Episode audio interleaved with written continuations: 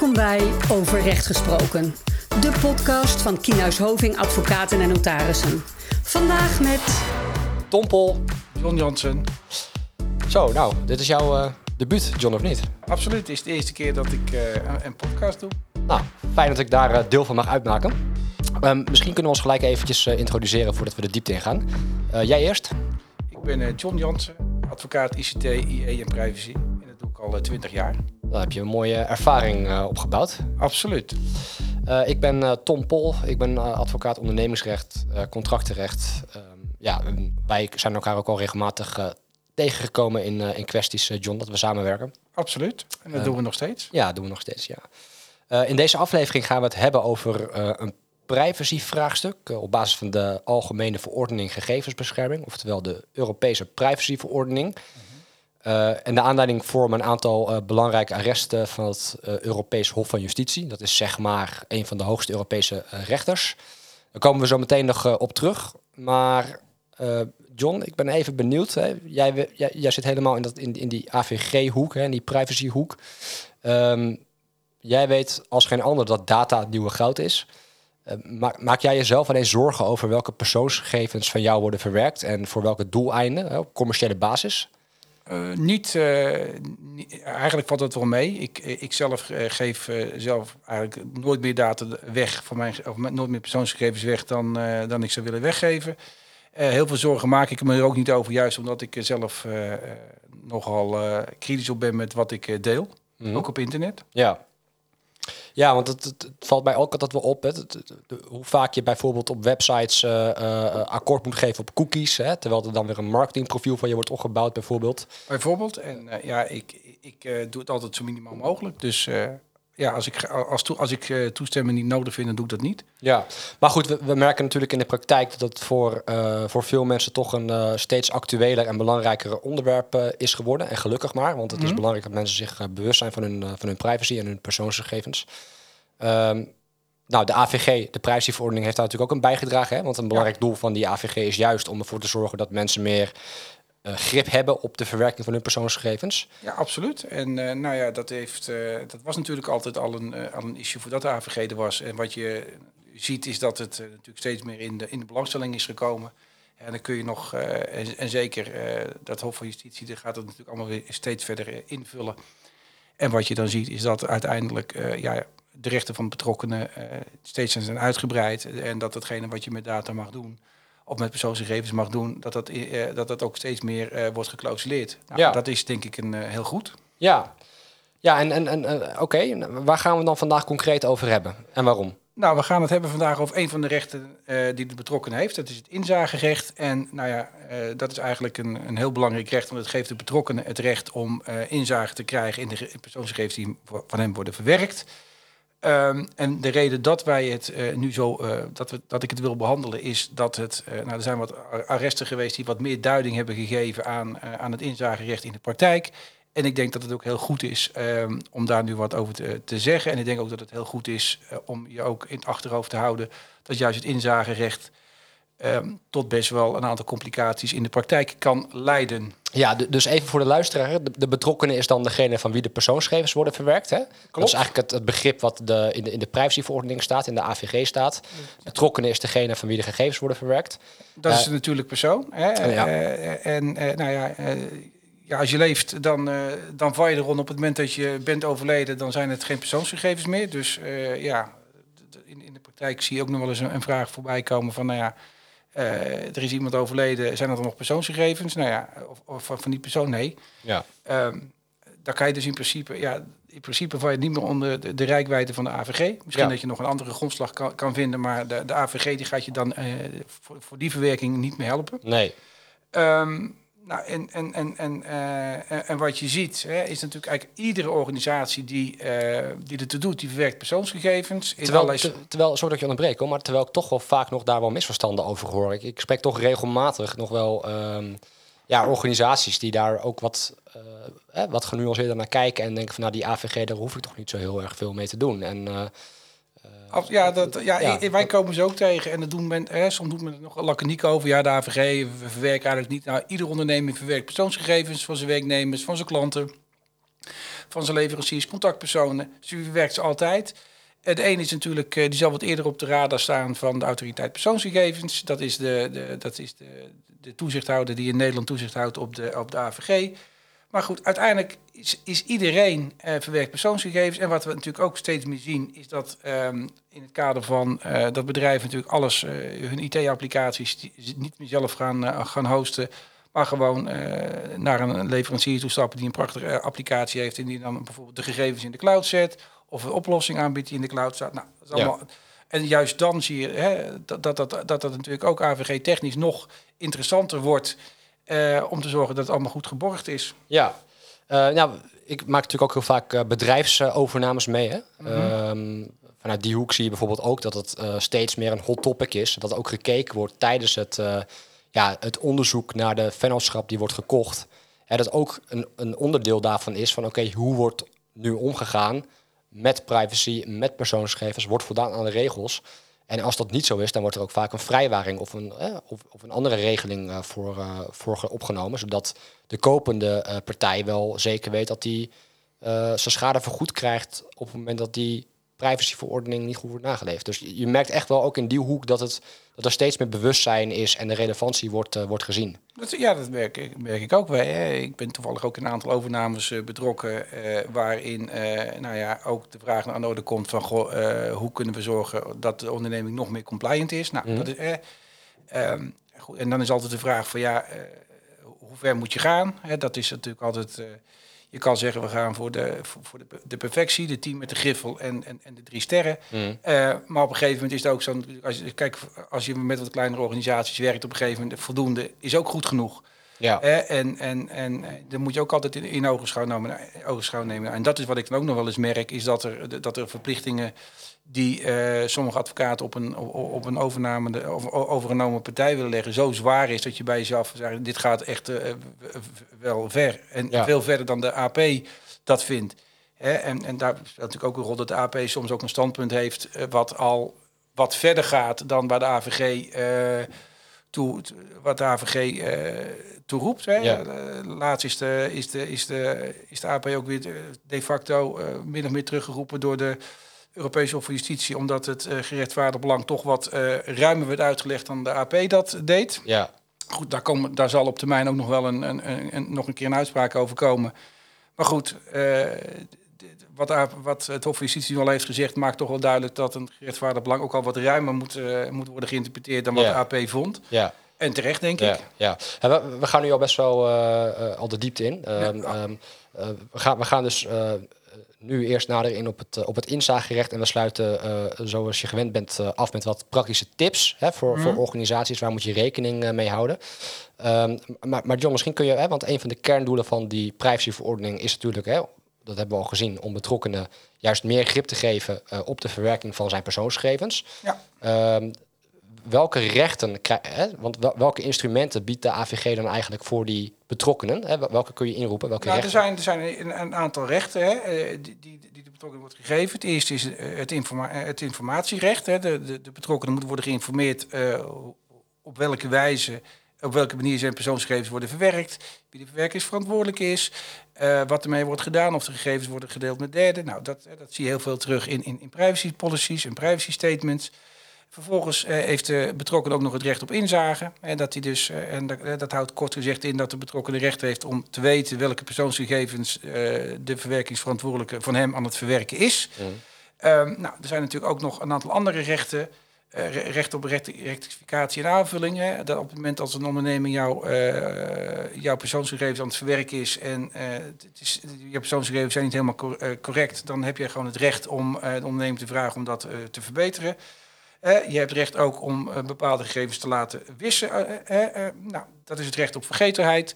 Nou, in het verleden zijn er wel eens een aantal uitspraken van geweest waarvan inderdaad het, gevolg was dat zoekresultaten werden beperkt omdat het Hof van Justitie zei van ja, je mag gewoon die Google, u moet die gegevens moet u, verwijderen. Nou, daar kun je ook van alles van vinden, maar dat is, ook een heel belangrijk recht. Je hebt recht op beperking van de verwerking. Je hebt recht op dataportabiliteit. Dat houdt gewoon in dat jij, aan een, aan een, dat jij omstandigheden kunt vragen aan een onderneming of een organisatie die jouw persoonsgegevens werkt. Van, doet u mij maar een kopietje van mijn persoonsgegevens. eh, zodat ik ze eh, ergens anders kan, eh, kan onderbrengen. En je kan bezwaar maken. En je hebt ook eigenlijk het recht om niet onderworpen te worden aan geautomatiseerde besluitvorming. Er zijn allemaal wel uitzonderingen natuurlijk op al die rechten, maar... Wat, wat eh, is dat? Geautomatiseerde besluitvorming? nou ja, bijvoorbeeld als jij, eh, als jij eh, bij, voor een, een, een, bij, op een website bijvoorbeeld een, een krediet zou gaan aanvragen, dat je wat gegevens in, in, in invult en dat vervolgens eh, nou ja, een algoritme ermee aan, aan de slag gaat en dan komt tot de conclusie, jij krijgt wel of geen krediet. Ja. Nou, dat, daar, dat is ook allemaal gebonden aan de regelgeving. Nou, dat, dat, Ja. dat, dat werkt natuurlijk straks samen met de AI-act. Ja. Maar goed, dat is eh, voor een andere podcast. Ja, en eh, oké, dus je kunt wel concluderen volgens mij dat, eh, dat die AVG er wel in slaagt hè, om eh, eh, ook daadwerkelijk instrumenten te bieden aan de betrokkenen om eh, eh, ja, meer grip te hebben op die persoonsgegevens die worden verwerkt. Ja. We gaan wat dieper in op het inzagerecht.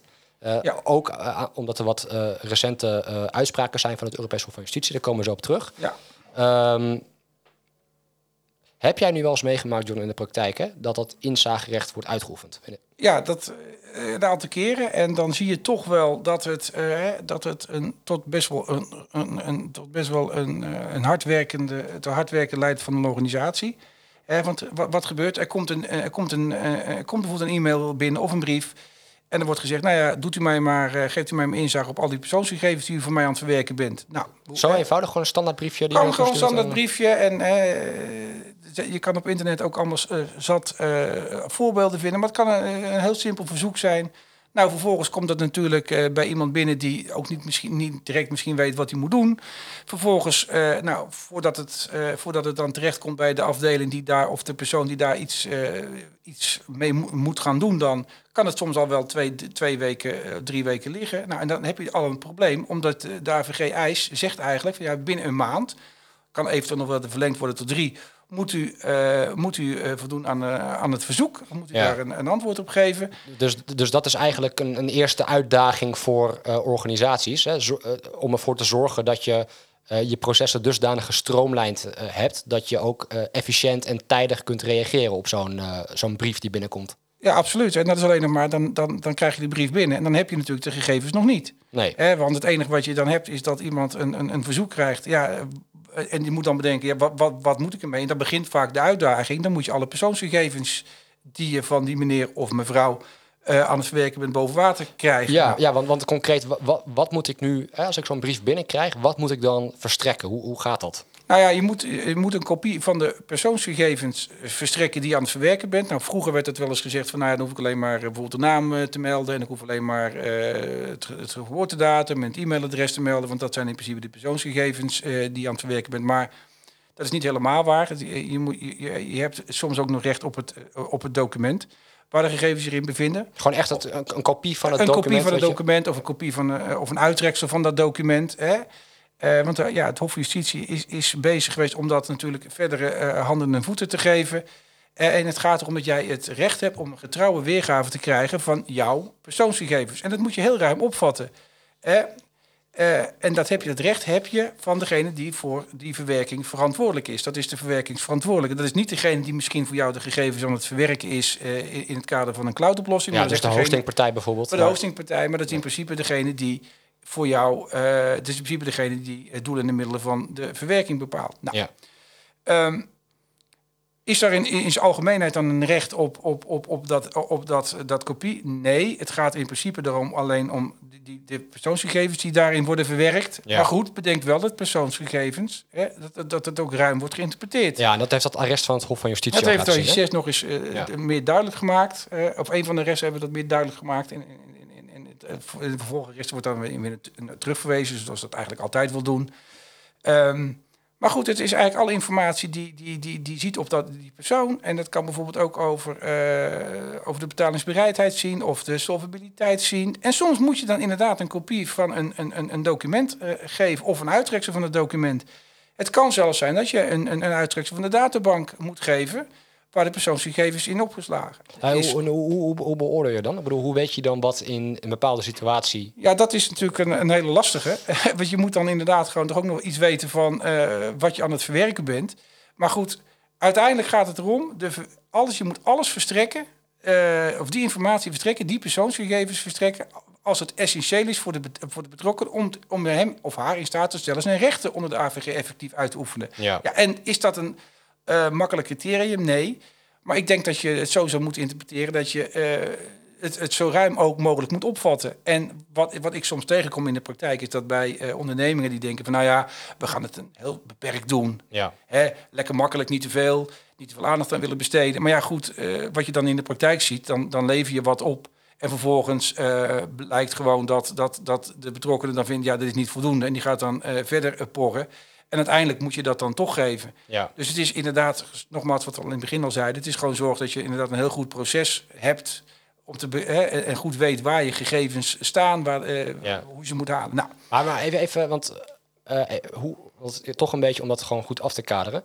Eh, kan het ook zo zijn bijvoorbeeld dat ehm, eh, bepaalde toegangsinformatie of logbestanden... klopt, ja, eh, kan van- allemaal van. binnen, eh, dus als ik binnen mijn organisatie bijvoorbeeld bepaalde personen hebben toegang tot de persoonsgegevens die ik van jou verwerk, moet ik daar ook informatie over geven aan degene die mijn inzageverzoek stuurt? Kan, kan. Ehm, ja, logbestanden kunnen er ook gewoon onder vallen. Hè? Dat is, zegt natuurlijk ook iets, eh, wie bijvoorbeeld toegang heeft gehad tot, jou, eh, dat, tot jouw bestand of tot jouw file. Dat is natuurlijk ook een persoons, kan ook een persoonsgegeven zijn voor jou. Dat zegt ook, kan ook iets over je, Ja. jou zeggen. Ja. En moet je dan je werknemers toegang geven? Nou, dat is geen algemene verplichting. Het Hof van Justitie is er vrij duidelijk in geweest dat het geen algemene verplichting is. Maar het kan wel zijn dat juist die informatie, als die informatie onontbeerlijk is of voor de betrokken om hem in staat te stellen, of haar in staat te stellen, eh, ja, de, de rechten die hij, hij of zij heeft onder de AVG eh, tot uitoefening te brengen, dan moet je dat in principe wel doen. Weliswaar is er altijd, hè, is altijd Ja. nog een, een, een soort beperking. Je moet ook al- altijd nog rekening houden met de rechten en vrijheden van werknemers. Ja, Ja, en natuurlijk is dat gelijk al een probleem. Ja, want je komt dan wel in een, in een grijs gebied. Want het is leuk en aardig dat je als organisatie eh, zoveel informatie moet verstrekken aan de aanvrager. En dat dat begrip persoonsgegeven zo ruim wordt, eh, wordt opgevat. Maar je komt ook een beetje in het grijze gebied dat daar ook misschien rechten van, van andere mensen die hierbij betrokken zijn in het gedrang komen. Absoluut. En, en, en, en, dat, en, en, en dat is natuurlijk ook vaak eh, het spel hè? En, en, en, waar je over na moet denken. Van ja, wat, wat wel en wat niet. Hoe ga je om met, met de rechten van derden? hè? Eh, Laten we het nou zeggen op het moment dat jij logbestanden eh, bijhoudt van toegang eh, tot, tot, tot een bepaald tot je database. En dat je ook, ook precies na kunt gaan wie bijvoorbeeld een, een, een, een, file van een, eh, van een eh, of een bestand van een eh, betrokken heeft bekeken. Dan is altijd de vraag, dan is natuurlijk de vraag, mag dat? Nou ja, je mag natuurlijk alleen maar toegang geven eh, voor zover het echt nodig is. Dus eh, iedereen toegang geven mag niet. Maar goed, eh, en dan, en dan, maar op het moment dat bijvoorbeeld jij zou moeten geven, ja, dat meneer A of mevrouw B eh, eh, toegang daartoe heeft gehad, ja, eh, moet je dat dan, dan li- kan ik me indenken dat je zegt van ja, ik vind het niet helemaal eh, kies dat de betrokkenen dan precies weet wie van die werknemers voor mij dat heeft gedaan. Maar goed, dan zou je misschien kunnen zeggen, ik haal de naam weg, maar zet wel de functie erin, zodat ik Ja. van die positie, zodat ik wel kan laten zien dat degene die toegang heeft gehad tot die persoonsgegevens, inderdaad daartoe geautoriseerd was. Ehm, ehm, Ja. Maar, en dat, dat- dit is alleen nog maar het recht hè, van, van, van werknemers. Er zijn natuurlijk nog veel andere rechten van betrokkenen, eh, of andere rechten waar je rekening mee moet houden. ja, want ik, ik kan me voorstellen als je bijvoorbeeld bepaalde bedrijfsgevoelige informatie hebt, dat er misschien geen persoonsgegevens zijn, maar dat ik dat ook niet wil verstrekken aan, aan iemand die, die een verzoek naar mij richt.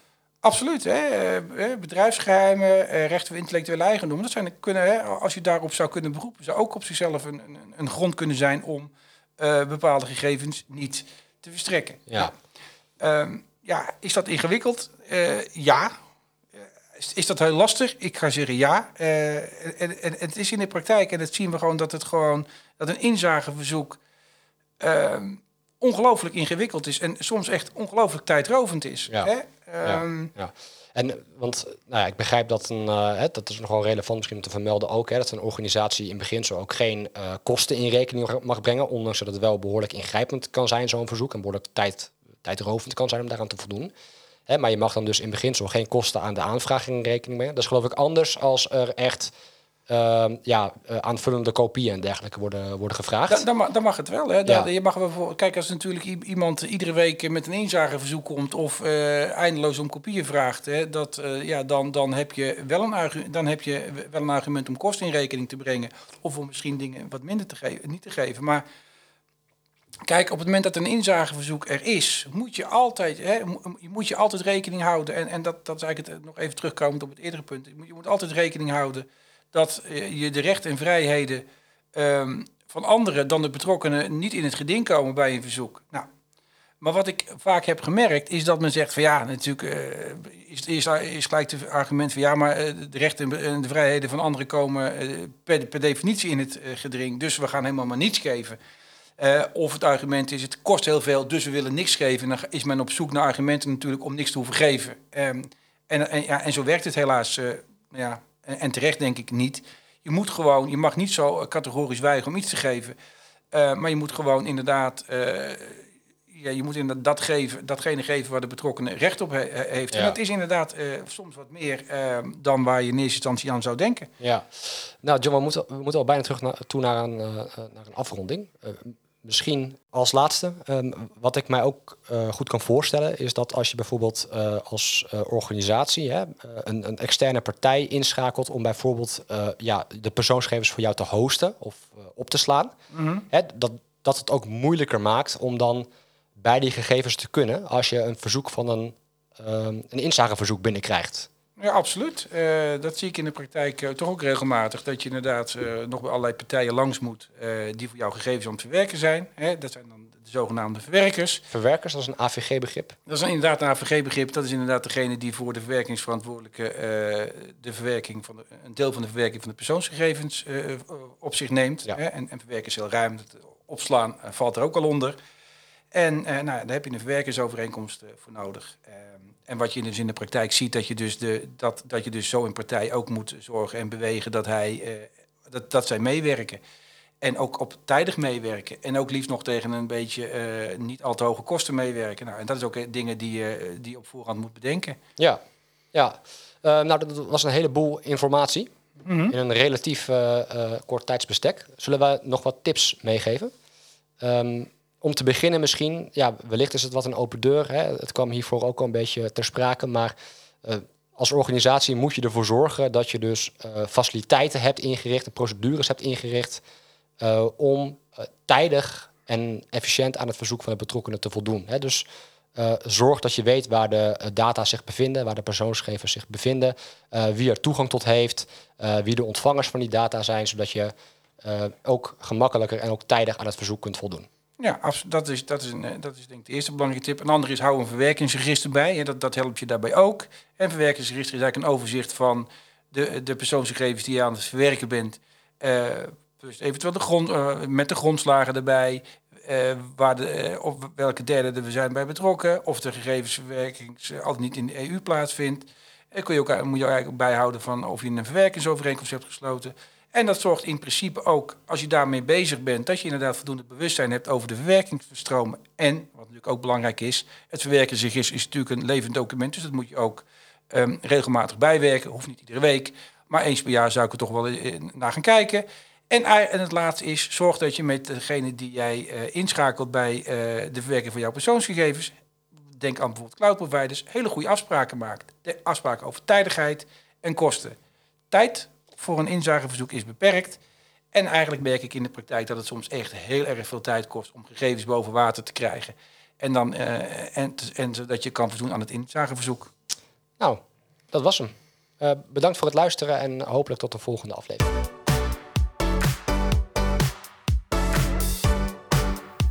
Dit was Overrecht Gesproken, de podcast van Kina Soving. Heb je vragen of wil je meer informatie? Stuur dan een e-mail naar podcast.kienhuishoving.nl Wil je niets missen? Abonneer je dan op onze podcast via jouw favoriete podcast-app.